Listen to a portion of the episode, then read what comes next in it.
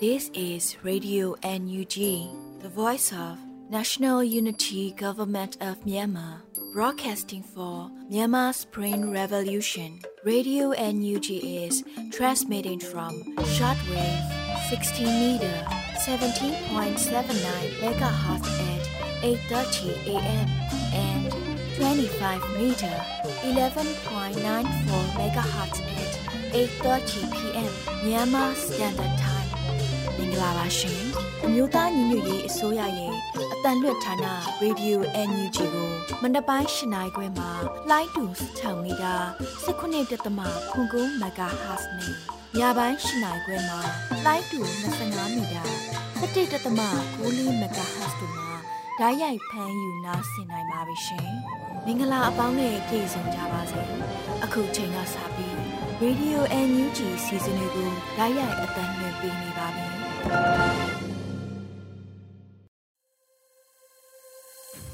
မြန်မာနိုင်ငံသူနိုင်ငံသားပေါင်းတဘာဝပြီးစစ်အာဏာရှင်ဘေးကနေကင်းဝေးပြီးကိုစိတ်နှပါကြားမှလုံခြုံပေးကင်းကြပါစေလို့ Radio UNG အဖွဲ့သားများကဆုတောင်းမေတ္တာပို့သလိုက်ရပါတယ်ရှင်။အခုချိန်ကစပြီးကာကွယ်ဝင်ကြီးဌာန၏စစ်ရေးတရင်ချင်းချုပ်ကိုຫນွေဦးအလင်ကကဖတ်ကြားတင်ပြပေးပါမယ်ရှင်။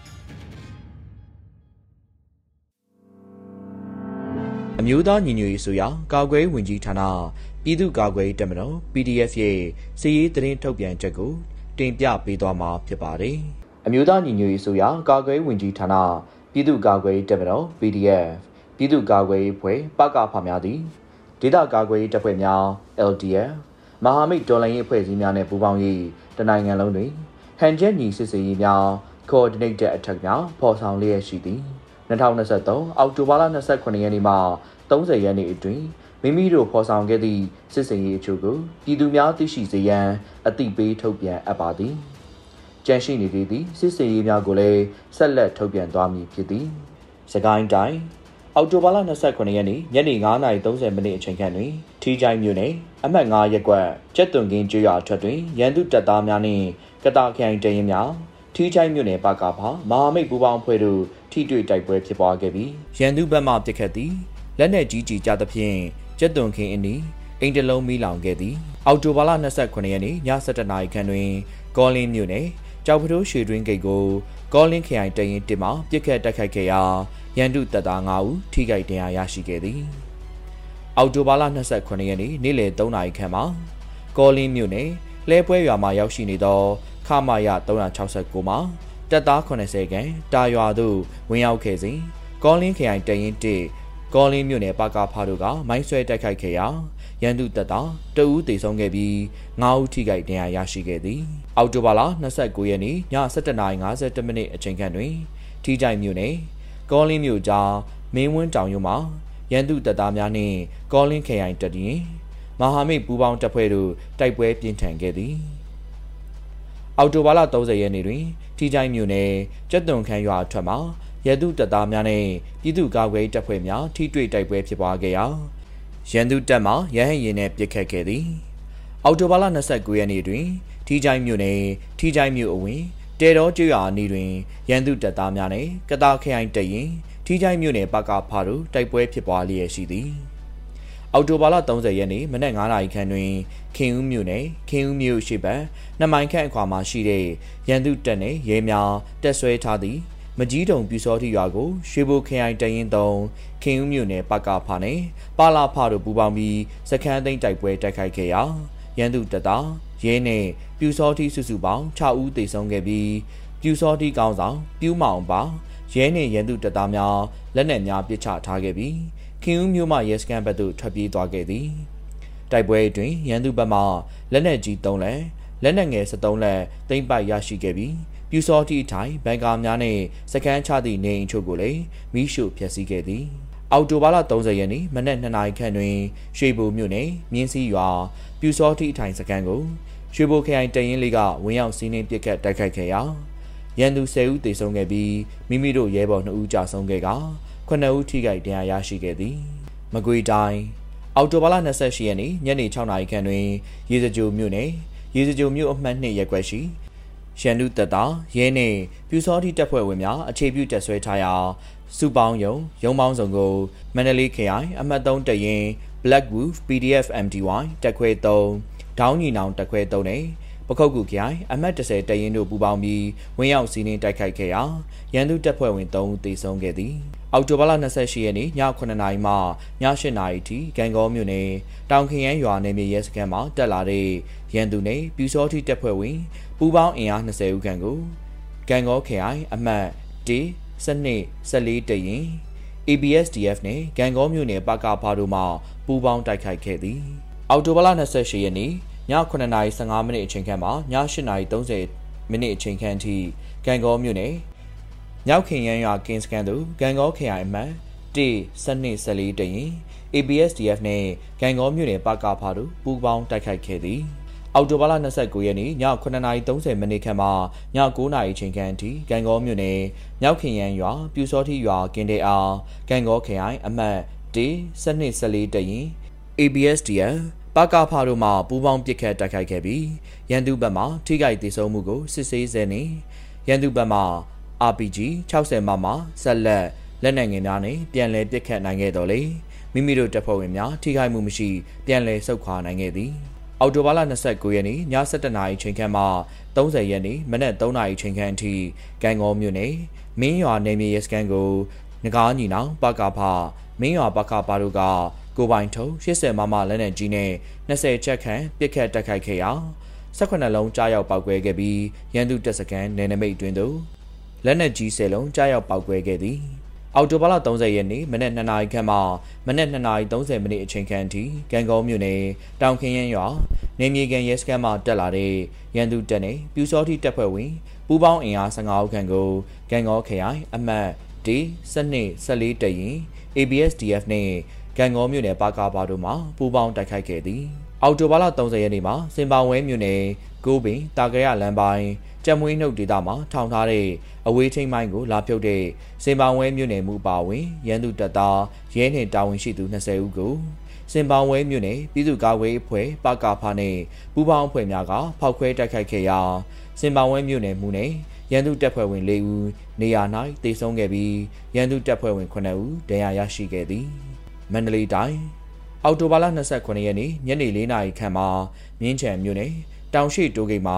ရန်သူတပ်သား20ခန့်ရဲ20ဦးခန့်နဲ့တက်ဆွဲထားရသူမြင်းညံခရိုင်ရင်းတီရင်း3ရင်း4ရင်းရှိနထိုးကြီးပကဖမြင်းကြံပကဖမလိုင်းတရင်နှင့် MSPDF drone တပ်ဖွဲ့များပူးပေါင်း၍ drone လက်နက်ကြီးလက်နက်ငယ်များနဲ့စစ်ကြောင်း၃ကြောင်းခွဲ၍တိုက်ခိုက်ခဲ့ရာရန်သူတပ်သားနှင့်ရဲ23ဦးသေဆုံးခဲ့ပြီး 9ဦးထိခိုက်ဒဏ်ရာရရှိခဲ့သည်တောင်တာဘက်မှလာတဲ့စစ်ကူကား၄စီးအင်အား20ခန့်ကိုမိုင်းဆွဲတိုက်ခိုက်ခဲ့ရာကား၃စီးထိခိုက်ခဲ့ပြီးမိမိဘက်မှလက်နက်ကြီးများနဲ့ပစ်ခတ်ခဲ့ရာရန်သူတပ်သား10ဦးကျော်သေဆုံးခဲ့ပြီးအများအပြားထိခိုက်ဒဏ်ရာရရှိခဲ့သည်မြင်းကြံဘက်မှရန်သူစစ်ကူကား၉စီးထွက်လာတဲ့အတွက်ကြောင့်မိမိဘက်မှတက်ပြန်ဆုတ်ခဲ့သည်အော်တိုဘာလ29ရက်နေ့တွင်မိုးကုတ်မြို့နယ်အထက်ညောင်ကုန်းမှာထိုးစစ်ဆင်လာတဲ့ရန်သူတပ်၏ ခလာရ44တရက်လာပါခခလာရ88မင်းဘူးစကူလာပါခခမရ100နှင့်မုဒ္ဓမရတာခခမရ100လီမော်လမြိုင်ရတာခတက်များနှင့်တောင်မျိုးသားလူမျိုးရေးတက်မတော် TNL ပြည်သူ့ကာကွယ်တပ်မတော် PDF မိုးကုတ်ဗျူဟာပူးပေါင်းတပ်များထိတွေ့တိုက်ပွဲဖြစ်ပွားခဲ့သည်အော်တိုဘာလ29ရက်နေ့ညနေ4:40မိနစ်အချိန်ခန့်တွင်မတရားမြို့နယ်စေတော်ရွာဘက်သို့မန္တလေးဘက်မှထွက်လာသည် 6ဘိန်းကားတစ်စီး12ဘိန်းကားတစ်စီးအားမရယာမြို့နယ်တိုက်နယ်3ပကဖကမိုင်းနှလုံးနဲ့စေတော်လမ်းမပေါ်မှာဖောက်ကွဲတိုက်ခိုက်ခဲ့ရာရန်သူတပ်သားများအထိကိများခဲ့သည်အော်တိုဘာလ29ရက်နေ့မနက်9:20မိနစ်အချိန်ခန့်မှာမိုးကုံမြို့နယ်အထက်ညောင်ကုန်းကျေးရွာဘက်မှထိုးစစ်ဆင်လာတဲ့ရန်သူတပ်၏ခလာရ44တရက်လာပါခခလာရ88မင်းဘူးစကူလာပါခခမာယ100နှင့်မုဒ္ဓမာယတာခ ခမာယ104မော်လမြိုင်ယတာခတက်များနှင့်တောင်မျိုးသားလွတ်မြောက်ရေးတပ်မတော် TNL ပြည်သူ့ကာကွယ်ရေးတပ်မတော် PDF မိုးကုတ်ဗျူဟာပူးပေါင်းတပ်များမိနစ်90ကြာထိတွေ့တိုက်ပွဲဖြစ်ပွားခဲ့သည်ရှမ်းပြည်နယ်အောက်တိုဘာလ29ရက်နေ့မနက်၄နာရီခန့်တွင် နောင်ချိုမြို့နယ်ကြောက်ကျန်းချေရွာအနီးရှိခမာယ114နောင်ချိုစကခ1ခမာယ115နောင်ချိုစကခ1တပ်စခန်းများနှင့် ဂုတ်တင်းတရားရှိရန်သူတပ်များကိုတအောင်းမျိုးသားလူမျိုးရေးတပ်မတော် TNL ပြည်သူ့ကာကွယ်တပ်မတော်မန္တလေး MDY PDF ပူးပေါင်းတပ်ကဝင်ရောက်တိုက်ခိုက်ခဲ့ပြီးတိမ့်ပိုက်ရှင်းလင်းနိုင်ခဲ့သည်တိုက်ပွဲတွင်ဒုတက်ရင်မှုပါဝင်ရန်သူတပ်ဖွဲ့ဝင်6ဦးသေဆုံးခဲ့ပြီးလက်နက်9လက်60မမမော်တာတစ်လုံးလက်နက်ခဲယမ်းများနှင့်စစ်အုံဆောင်ပစ္စည်းများကိုလည်းတင်စီရရှိခဲ့သည်ပဲခူးတိုင်းအော်တိုဘာလ28ရက်နေ့မနက်6နာရီခန့်တွင်ဒိုင်ဦးမြို့နယ် တန်လန်းဂိတ်ညောင်ခါရှီလန်းဝင်ရထားတန်လန်းကျော်ရှိရန်သူတပ်ဖွဲ့ကိုပြည်သူ့ကာကွယ်တပ်မတော် PDF ပဲခူးခရိုင်တရင်3900တီတက်ခွဲငါဒိုင်ဦး Defense Force နဲ့ပဲခူးမြို့နယ်ပကဖာတို့ပူးပေါင်း၍40မမဘုံသီးနှလုံးနဲ့ပစ်ခတ်တိုက်ခိုက်ခဲ့ရာရန်သူတပ်ဖွဲ့တအူပြင်းထန်စွာဒဏ်ရာရရှိခဲ့သည်အောက်တိုဘာလ29ရက်နေ့မနက်8:45မိနစ်အချိန် မင်းလာမြို့နယ်ဇေယျချောင်းကျေးရွာနှင့်ချောင်းနာကျေးရွာကြားတွင် ခလာရတီစိန်ကန်းလန်တာမခ66မှာစစ်သားစုဆောင်ရေးရုံးတာဝန်ခံနေပြူစောတိစုဆောင်စီယုံသူလည်းဖြစ်သည့်ဗိုလ်ကြီးမျိုးဆန်းဝင်းကိုတာယာဝတီခရိုင်တရင်3800နှင့်တက်ခွဲ2နဲ့တာယာဝတီဂလုံတပ်ဖွဲ့တို့ပူးပေါင်းပြီးနန်းထိုင်အောင်စစ်စေးရေးဖြင့်တနက်ဖြန်ပြစ်ခတ်တိုက်ခိုက်ခဲ့ရာတေဆုံးခဲ့သည်တနင်္သာရီတိုင်း အောက်တိုဘာလ29ရက်နေ့မနက်10:30မိနစ်အချိန်ခန့်တွင် လောင်းလုံးမြို့နယ်စမ်းလန်းရွာအဝင်ရှိလက်ခတ်တောင်တာဝါတိုင်းရန်သူစကန်အောင်ဒဝဲခရိုင်တရင်တင်နေပူပေါင်းဖွဲ့များမှဝင်ရောက်တိုက်ခိုက်ခဲ့ရာတိုက်ပွဲကြာချိန်မိနစ်30ခန့်ကြာမြင့်ခဲ့ပြီးရန်သူဘက်မှတရားရရှိမှုများခဲ့ကြောင်းသိရှိရသည်ပြည်သူ့ကာကွယ်တပ်မတော်တရင်တပ်ဖွဲ့များသည်တနိုင်ငံလုံးအနှံ့တွင်ရန်သူစစ်တပ်များကိုစစ်ဆင်တိုက်ခိုက်လျက်ရှိပြီးအထက်ပေါ်ပြပါတိုက်ပွဲများတွင် ရန်သူတပ်၏အရာရှိအဆင့်များပါဝင်ရန်သူတပ်သား63တေဆုံးက30ဦးထိခိုက်ဒဏ်ရာရရှိခဲ့သည်ပြည်သူ့ကာကွယ်တပ်မတော်သား2ဦး Federal Democracy နိုင်ငံအသစ်အတွက်အသက်ပေးလူသွားခဲ့ပြီး9ဦးထိခိုက်ဒဏ်ရာရရှိခဲ့သည်ရန်သူတပ်ထံမှလက်နက်ကြီးလက်နက်ငယ်ကြီး KMI ကြောက်များနဲ့စစ်သုံးဆောင်ပစ္စည်းများတင်စီရရှိခဲ့သည်အမျိုးသားညီညွတ်ရေးဆိုရာကာကွယ်ဝင်ကြီးဌာနအနေဖြင့် ဟန်ချက်ညီဖော်ဆောင်လျက်ရှိသောစစ်စင်ရေးများကိုအလင်းတင်တယ်လို့အသိပေးထုတ်ပြန်သွားပါမည်ပြည်သူ့ကာကွယ်တပ်မတော် PDF စေယုံချုပ်ကာကွယ်ဝင်ကြီးဌာနအမျိုးသားညီညွတ်ရေးဆိုရဟူ၍ဖော်ပြပါရှိပါတယ်ခင်ဗျာ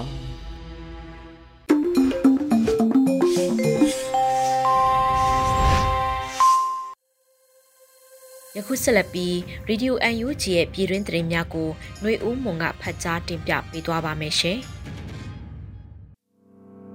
မင်္ဂလာမနက်ခင်းပါရှင်။2023ခုနှစ်နိုဝင်ဘာလ3ရက်နေ့ Radio UNG ပြည်တွင်းသတင်းတွေကိုတင်ပြပေးသွားပါမယ်။ကျွန်မကတော့ຫນွေဦးမွန်ပါ။ဗဟိုချုပ်ကင်မှုစနစ်ကိုဖြည့်လျှော့ပေးနိုင်မည့်စနစ်များရန်ရများကိုယခုကတည်းကတွေးဆဖော်ဆောင်ထားကြရန်ပြည်ထောင်စုဝန်ကြီးချုပ်တိုက်တွန်းတဲ့အကြောင်းများကိုဥစွာတင်ပြပေးကြပါမယ်။ ဗဟိုချုပ်ကိုင်မှုစနစ်ကိုဖြည့်လျှော့ပေးနိုင်မဲ့စနစ်များရန်ရာများကိုယခုကတည်းကတွေးဆဖော်ဆောင်ထားကြဖို့ပြည်ထောင်စုဝန်ကြီးချုပ်မန်ဝင်းခိုင်တန်းကနိုဝင်ဘာလ၁ရက်မှာပြုလုပ်တဲ့ဂျာကာလပြည်သူတရားစီရင်ရေးဖော်ဆောင်မှုကော်မတီအစည်းအဝေးအမှတ်စဉ်17မြင်းဆောင်2023မှာပြောကြားလိုက်ပါတယ်။မြို့သားညီညွတ်ရေးအစိုးရရဲ့ခိုင်မာအားကောင်းသောတရားဥပဒေစိုးမိုးရေးနှင့်တရားစီရင်ရေးကဏ္ဍတစ်ခုဖြစ်လာစေရန်ဂျာကာလပြည်သူတရားစီရင်ရေးဗဟောကော်မတီကိုဖွဲ့စည်းခဲ့ခြင်းဖြစ်ကြောင်း မိမိတို့သည်စီးရဲအောင်ပွဲများပုံမရရှိလာသဖြင့်ထိမ့်ချုပ်နေမြများလည်းကျဲပြန့်လာခဲ့ကြောင်းမြို့သားညီညွတ်ရေးအစိုးရ၏အုပ်ချုပ်ရေးစွမ်းဆောင်ရည်နှင့်တရားဥပဒေစိုးမိုးရေးဖော်ဆောင်နိုင်မှုစွမ်းဆောင်ရည်ကိုပြည်သူနှင့်နိုင်ငံတကာကအကဲဖြတ်နေကြခြင်းဖြစ်ကြောင်းမိမိတို့သည်ဖရယ်ပြည်အောင်စုကိုမျှော်မှန်းပြီးတိုင်းပြည်ပြန်လည်တည်ဆောက်ကြရမည်ဖြစ်သောကြောင့်ဗဟိုချုပ်ကိုင်မှုစနစ်ကိုဖြည့်လျှော့ပေးနိုင်မည့်စနစ်များရန်ရများကိုယခုကတည်းကတွေးဆဖော်ဆောင်ထားကြရန်လည်းလိုအပ်ကြောင်းဝန်ကြီးချုပ်ကဆိုပါတယ်။စီဝေးတို့ ကော်မတီဥက္ကဋ္ဌပြည်ထောင်စုဝန်ကြီးချုပ်မိုင်းဝင်းခိုင်တန်းဒုတိယဥက္ကဋ္ဌ1 CRPH ဥက္ကဋ္ဌဦးအောင်ကြည်ညွတ်ဒုတိယဥက္ကဋ္ဌနှင့်တရားရေးဝန်ကြီးဌာနပြည်ထောင်စုဝန်ကြီးဦးသိန်းဦးနဲ့ကော်မတီဝင်များဖိတ်ကြားထားတဲ့ဥရေပညာရှင်များနဲ့ဧည့်သည်တော်များတက်ရောက်ခဲ့ကြပါတယ်ရှင်။ဂျာကာလာဒေသန္တရပြည်သူ့အုပ်ချုပ်ရေးဖော်ဆောင်မှုဗဟိုကော်မတီအစည်းအဝေးသို့ NUG ဝန်ကြီးများတက်ရောက်တဲ့သတင်းကိုလည်းတင်ပြပေးကြပါမယ်။မြို့သားညီညွတ်ရေးအစိုးရ ဂျာကာလာဒေသန္တရပြည်သူ့အုပ်ချုပ်ရေးဖော်ဆောင်မှုဗဟိုကော်မတီအစည်းအဝေးမှတ်စဉ်44မြင်းဆောင်2023ကိုနိုဝင်ဘာ2ရက်နေ့ကကျင်းပခဲ့ပြီးဂျာကာလာဒေသန္တရပြည်သူ့အုပ်ချုပ်ရေးဖော်ဆောင်မှုဗဟိုကော်မတီဒုတိယဥက္ကဋ္ဌ1ပြည်ထောင်နှင့်လူဝင်မှုကြီးကြပ်ဝန်ကြီးဌာနပြည်ထောင်စုဝန်ကြီးဦးလွင်ကိုလက်မှအဖွဲ့မှစကားပြောကြားခဲ့ပါတယ်။ဆက်လက်ပြီးတက်ရောက်လာကြတဲ့ဂျာကာလာဒေသန္တရပြည်သူ့အုပ်ချုပ်ရေးဖော်ဆောင်မှုဗဟိုကော်မတီအဖွဲ့ဝင်များမှ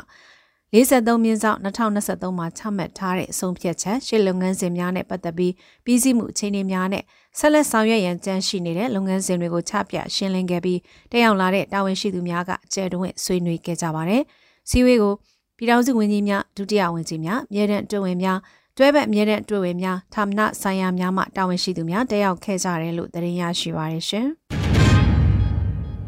ကနေဒါအထွာမြို့ကမြန်မာကနေဒီယန်များနဲ့မြို့သားညီညွတ်ရေးအစိုးရအဖွဲ့ကိုယ်စားလှယ်များတွေ့ဆုံတဲ့သတင်းကိုဆက်လက်တင်ပြပေးပါမယ်။ကနေဒါအထွာမြို့က မြန်မာကနေဒီယန်များနဲ့မြို့သားညီညွတ်ရေးအစိုးရအဖွဲ့ကိုယ်စားလှယ်များတွေ့ဆုံခဲ့တယ်လို့မြို့သားညီညွတ်ရေးအစိုးရလူခွင့်ဆိုင်ရာပြည်ထောင်စုဝန်ကြီးဦးအောင်မျိုးမင်းမှအသိပေးဆိုပါတယ်။ဆိုဝါတွေ့ဆုံပွဲကိုအော်တိုဘာ30တက်ကကျင်းပခဲ့ပြီး NUG လူခွင့်ရေးဆိုင်ရာဝန်ကြီးဦးအောင်မျိုးမင်းသမရာယုံပြောရေးဆိုခွင့်ရှိသူဦးကျော်စော လူခွင့်ရေးဆိုင်ရာဒုတိယဝန်ကြီးဦးအောင်ကျော်မိုးတို့တက်ရောက်ခဲ့ကြပါတယ်။မြို့သားညီညွတ်ရေးအစိုးရအဖွဲ့ကိုယ်စားလှယ်များဟာကနေဒါနိုင်ငံကိုလူသဘောခီးစဉ်ဖြစ်ရောက်ရှိနေပြီးတော့ကနေဒါလွှတ်တော်အမတ်ပါဝင်ကနေဒါနိုင်ငံသားရေးဒုဝန်ကြီးနဲ့လည်းတွေ့ဆုံခဲ့ကြပါတယ်ရှင်။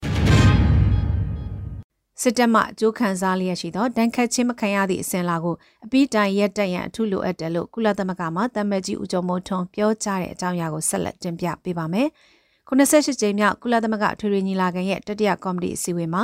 လူခွင့်ရေးကောင်စီစီရင်ခံစာနဲ့ပတ်သက်ပြီးထွေထွေဆွေးနွေးမှုအစီအစဉ်မှာကုလသမဂ္ဂဆိုင်ရာမြန်မာအမြဲတမ်းကိုယ်စားလှယ်တမ္မကြီးဦးကျော်မိုးထွန်းကအခုလိုပြောလိုက်တာပဲဖြစ်ပါတယ်။မြန်မာနိုင်ငံအရေးကိစ္စအားနိုင်ငံတကာရာဇဝတ်ခုံရုံးသို့လွှဲပြောင်းတင်သွင်းရန်ကြိမ်ဖန်များစွာတောင်းဆိုခဲ့သည့်ကုလသမဂ္ဂလူခွင့်ရေးဆိုင်ရာမဟာမင်းကြီး၏တောင်းဆိုချက်ကိုအလေးနက်ထားဂရုပြုစေလိုပါကြောင်း ယခုအခါစစ်တပ်မှအကျိုးခံစားလျက်ရှိသောတန်ခတ်ချင်းမခံရသည့်အစဉ်လာကိုအပိတိုင်ရက်တန့်ရန်အထုလိုအပ်ကြောင်းထိုနည်းတူအကြမ်းဖက်မှုများရက်တန့်ရန်ဒီမိုကရေစီနှင့်တရားဥပဒေစိုးမိုးရေးတို့အားပြန်လည်အသက်သွင်းရန်လိုအပ်ပါကြောင်းထို့ပြင်ကုလသမဂ္ဂလူခွင့်ရေးဆိုင်ရာမဟာမင်းကြီးကမြန်မာနိုင်ငံတွင်ဖြစ်ပွားနေသည့်အဖြစ်ဆိုးများချုပ်ငြိမ်းစေရေးအတွက်တွေးခေါ်သည့်များချမှတ်ရန်လည်းတောင်းဆိုခဲ့ကြောင်းတမန်ကြီးကဆိုပါတယ်။ဒါအပြင်စစ်တပ်မှပြည်သူများပေါ်ကျူးလွန်သည့်လူသားမျိုးနွယ်ပေါ်ကျူးလွန်သည့်ရာဇဝတ်မှုများ ဆေးရာဇဝတ်မှုများပါဝင်ကြီးလေးသောနိုင်ငံတကာရာဇဝတ်မှုများအတွက်စူးစောင်းရယူထားသည့်ခိုင်လုံသောတပ်သည့်အထောက်အထားများကိုအလဟတ်သက်မဖြစ်စေသင့်ကြောင်းကိုလည်းတမန်ကြီးကပြောဆိုထားပါတယ်။ဆက်လက်ပြီးစစ်တပ်ဟာမြန်မာနိုင်ငံသားများ၏နိုင်ငံကူးလက်မှတ်များကိုတရားလက်လွတ်ဖျက်သိမ်းခဲ့သဖြင့်၎င်းတို့သည်နိုင်ငံမဲချင်းအန်ဒီအကိုရင်ဆိုင်နေရတယ်လို့တမ်မကြီးဦးကျော်မိုးထွန်းမှဆိုပါတယ်။ထို့သဖြင့်နိုင်ငံသားတွင်အလုပ်လုပ်ကိုင်နေသည့်အချို့မြန်မာနိုင်ငံသားများနေဖြင့်၎င်းတို့၏နိုင်ငံကူးလက်မှတ်များအားတက်တန်းတိုးရန်အခက်အခဲများရင်ဆိုင်နေရကြောင်းအ ချို့သောဖြစ်စဉ်များတွင်လူမဆန်သည့်စစ်တပ်ကမြန်မာနိုင်ငံသားများ၏နိုင်ငံကူးလက်မှတ်များကိုတရားလက်လွတ်ဖျက်သိမ်းခဲ့သဖြင့်၎င်းတို့သည်နိုင်ငံမဲချင်းအန်ဒီအကိုရင်ဆိုင်နေရကြောင်း၎င်းတို့နေဖြင့်နိုင်ငံတကာအတိုင်းအဝန် UNHCR အိန္ဒိချင်းနိုင်ငံများထံမှလုံလည်သောအကူအညီများနဲ့အကာအကွယ်ပေးမှုများလိုအပ်သည်မှာထင်ရှားကြောင်းသတ်မှတ်ကြီးကဆိုပါတယ်။သူဖြစ်ပါ၍ဒေသရင်းနိုင်ငံများနိုင်ငံတကာတိုင်ဝမ်နှင့်ကုလသမဂ္ဂထူအားဖြင့် UNHCR တို့အနေဖြင့်အကူအညီမှန်တကယ်လိုအပ်နေသည့် မြန်မာပြည်သူများကိုအချိန်မီထိရောက်သောအကူအညီများနဲ့ကာဝယ်မှုများပေးအပ်ပေးပါရန်တောင်းဆိုလိုပါကြောင်းသတ်မှတ်ကြီးကဆိုပါတယ်ရှင်။ကမ်လူခိုင်ငပြောတိုင်းရွာနဲ့ရှော်ပြူကုန်းရွာကိုဂျမတ်စစ်ကောင်စီတပ်မှစရုထအကြိမ်မီးရှို့၍နေအိမ်အလုံး30ကျော်မိလောင်ပျက်စီးခဲ့ရတဲ့တဲ့ရင်ကိုဆက်လက်တင်ပြပေးပါမယ်။ကမ်လူခိုင်ငပြောတိုင်းရွာနဲ့ရှော်ပြူကုန်းရွာကိုဂျမတ်စစ်ကောင်စီတပ်ကစရုထအကြိမ်မီးရှို့ဖျက်ဆီးခဲ့တာကြောင့်နေအိမ်အလုံး30ကျော်မိလောင်ပျက်စီးခဲ့တယ်လို့ နိုဝင်ဘာ2ရက်မှာကျွန်းလကမ်လူတက်ကြွလှုပ်ရှားသူများအဖွဲ့ကမ်လူခိုင်ကအသိပေးဆိုပါရယ်။အော်တိုဘာလ30ရက်နေ့မှာစကိုင်းတိုင်းကမ်လူခိုင်ဇီကုန်းတိုင်းနဲ့ငပြောတိုင်းရွာနဲ့ကိုရောင်ဘုတ်တိုက်နယ်ရွှေပြူကုန်းရွာတို့အားစစ်ကောင်စီတပ်များမှတရက်ထက်မီးရှို့ဖျက်ဆီးခဲ့၍နေအိမ်စုစုပေါင်း35လုံးမီးလောင်ပျက်စီးခဲ့ပါတယ်လို့ဆိုပါတယ်။အောက်တိုဘာ30ရက်နေ့မနက်8:45မိနစ်ခန့်မှာစီပြကုန်းတိုက်နယ်အတွင်းရှိငပြောတိုင်းတပ်အားပေးရုံ၌ထိုင်ချတက်ဆွဲထားသောဂျမ်ဘတ်စစ်ကောင်စီတပ်နှင့်ပြူစောထင်များသည် မီးရုံမြောက်ဘက်ရှိပြစ်မဲ့ပြည်သူပိုင်းနေအိမ်များကိုအကြောင်းမဲ့မီးရှို့ဖျက်ဆီးခဲ့ရာနေအိမ်၅လုံးမီးလုံးပျက်စီးခဲ့ပါတယ်။ထိုစစ်ကောင်စီတပ်နှင့်ပြူစောထစစ်ကြောင်းဟာငပြောတိုင်းရွာမီယုံ၌ထိုင်ချတက်ဆွဲထားသည်မှာတလာခွဲခန့်ရှိနေပြီဖြစ်ပြီးငပြောတိုင်းကျေးရွာခုံးတာနဲ့ပေကြီးရွာတို့မှပြည်သူများမှလည်းစစ်ဘေးရှောင်နေရသည်မှာနှစ်လနီးပါးခန့်ကြာမြင့်နေပြီဖြစ်ပါတယ်။၎င်းဤသူအောက်တိုဘာ30ရက်နေ့ညနေ3နာရီတွင်ကိုရောင်မို့တိုက်နယ်တွင်ရှိရှော့ပြကုန်းရွာကိုကိုရောင်မို့အထိုင်ချင်းမြတ်တက်ရင်363နဲ့ ပြူစောတိစုပေါင်းအင်အား80ခန့်မှသရုထအချိန်မြောက်ကျန်းဖတ်ဝင်ရောက်မိရှုဖျက်ဆီးခဲ့ရာပြစ်မဲ့ပြည်သူပိုင်းနေအိမ်အလုံး30မီးလောင်ပျက်စီးခဲ့ကြောင်းသိရပါတယ်ရှင်။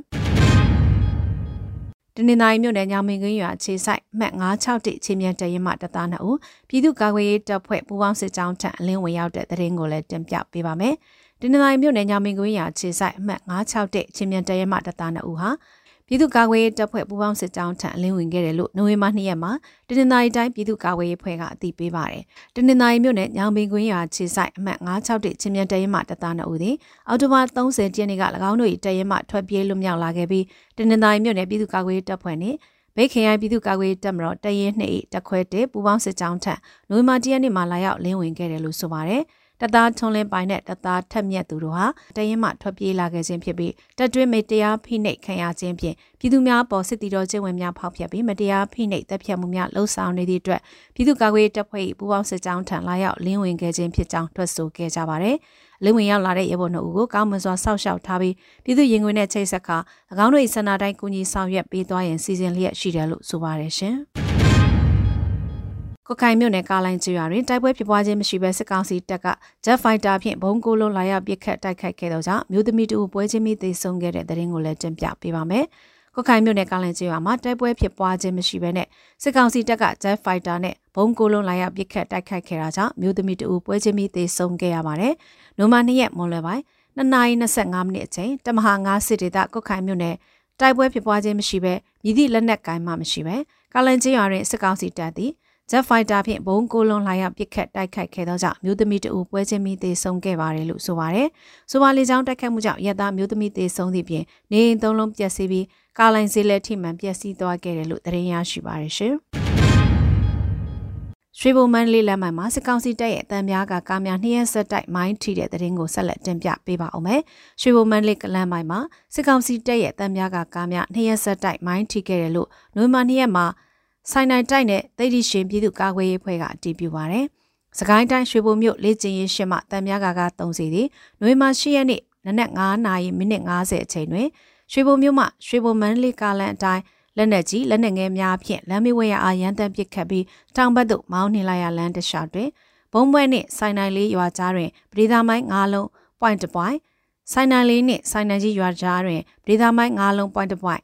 ဗဒေတာမိုင်း3လုံး .3 ဝိုင်းဖြင့်မိုင်းဆွဲတက်ခတ်မှုကြောင့်စစ်ကောင်စီတံများကကထိမှန်ကစစ်ကောင်စီတပ်သားများထိခိုက်ဒဏ်ရာရရှိခဲ့ပါတယ်လို့ဆိုပါတယ်။ဆက်လက်ပြီးရွှေဘုံမြို့လက်ကျင်ရေးရှင်းမှတံများကကားနှစ်စီးသည်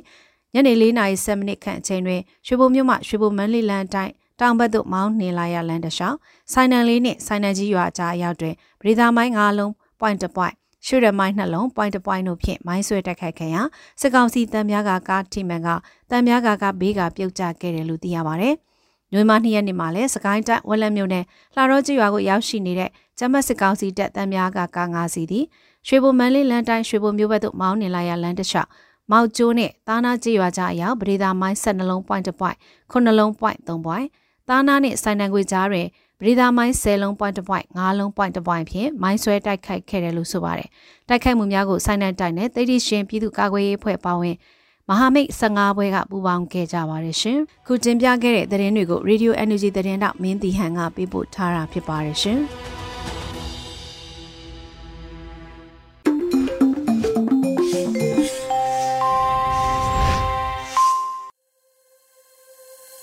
ရေဒီယို UNG မှာဆက်လက်တန်လှည့်နေပါတယ်။ ယခုဆက်လက်ပြီးတော်လှန်ရေးတေးဂီတအစီအစဉ်ကနေ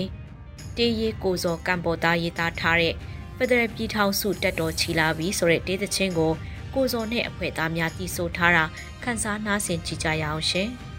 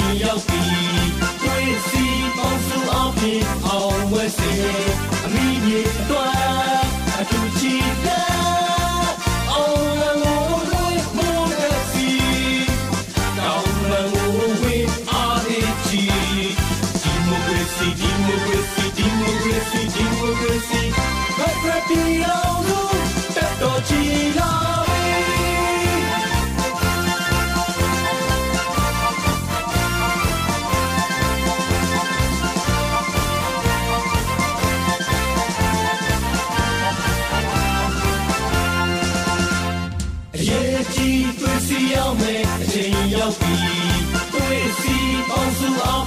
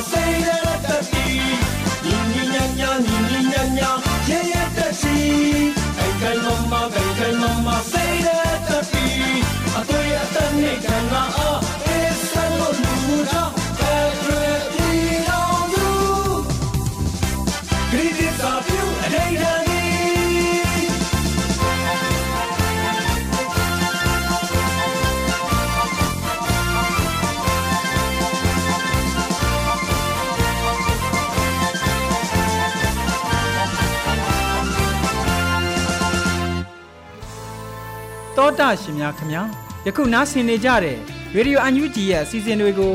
ရေဒီယိုလေးလိုင်းပေါ်မှာတိုက်ရိုက်ဖမ်းယူနားဆင်နိုင်တယ်လို့ website YouTube Telegram Facebook အစရှိတဲ့အခြားသော internet platform မျိုးစုံမှာလည်းမနေ့တစ်ကြိမ်ညတစ်ကြိမ်ပုံမှန်ထုတ်လွှင့်ပေးလျက်ရှိပါတယ် YouTube ပရိသတ်များအနေဖြင့် Radio UNG Channel ဖြစ်တဲ့ youtube.com/radiounug မြန်မာကိုဝင်ရောက် subscribe လုပ်ထားပြီးတော်လိုင်းရစ်အတွက်ထောက်ပို့ဝင်ငွေများကို တစ်ဖက်တစ်လမ်းကပါဝင်ကူညီနိုင်တဲ့အကြောင်းအသိပေးတင်ပြအပ်ပါတယ်ခင်ဗျာ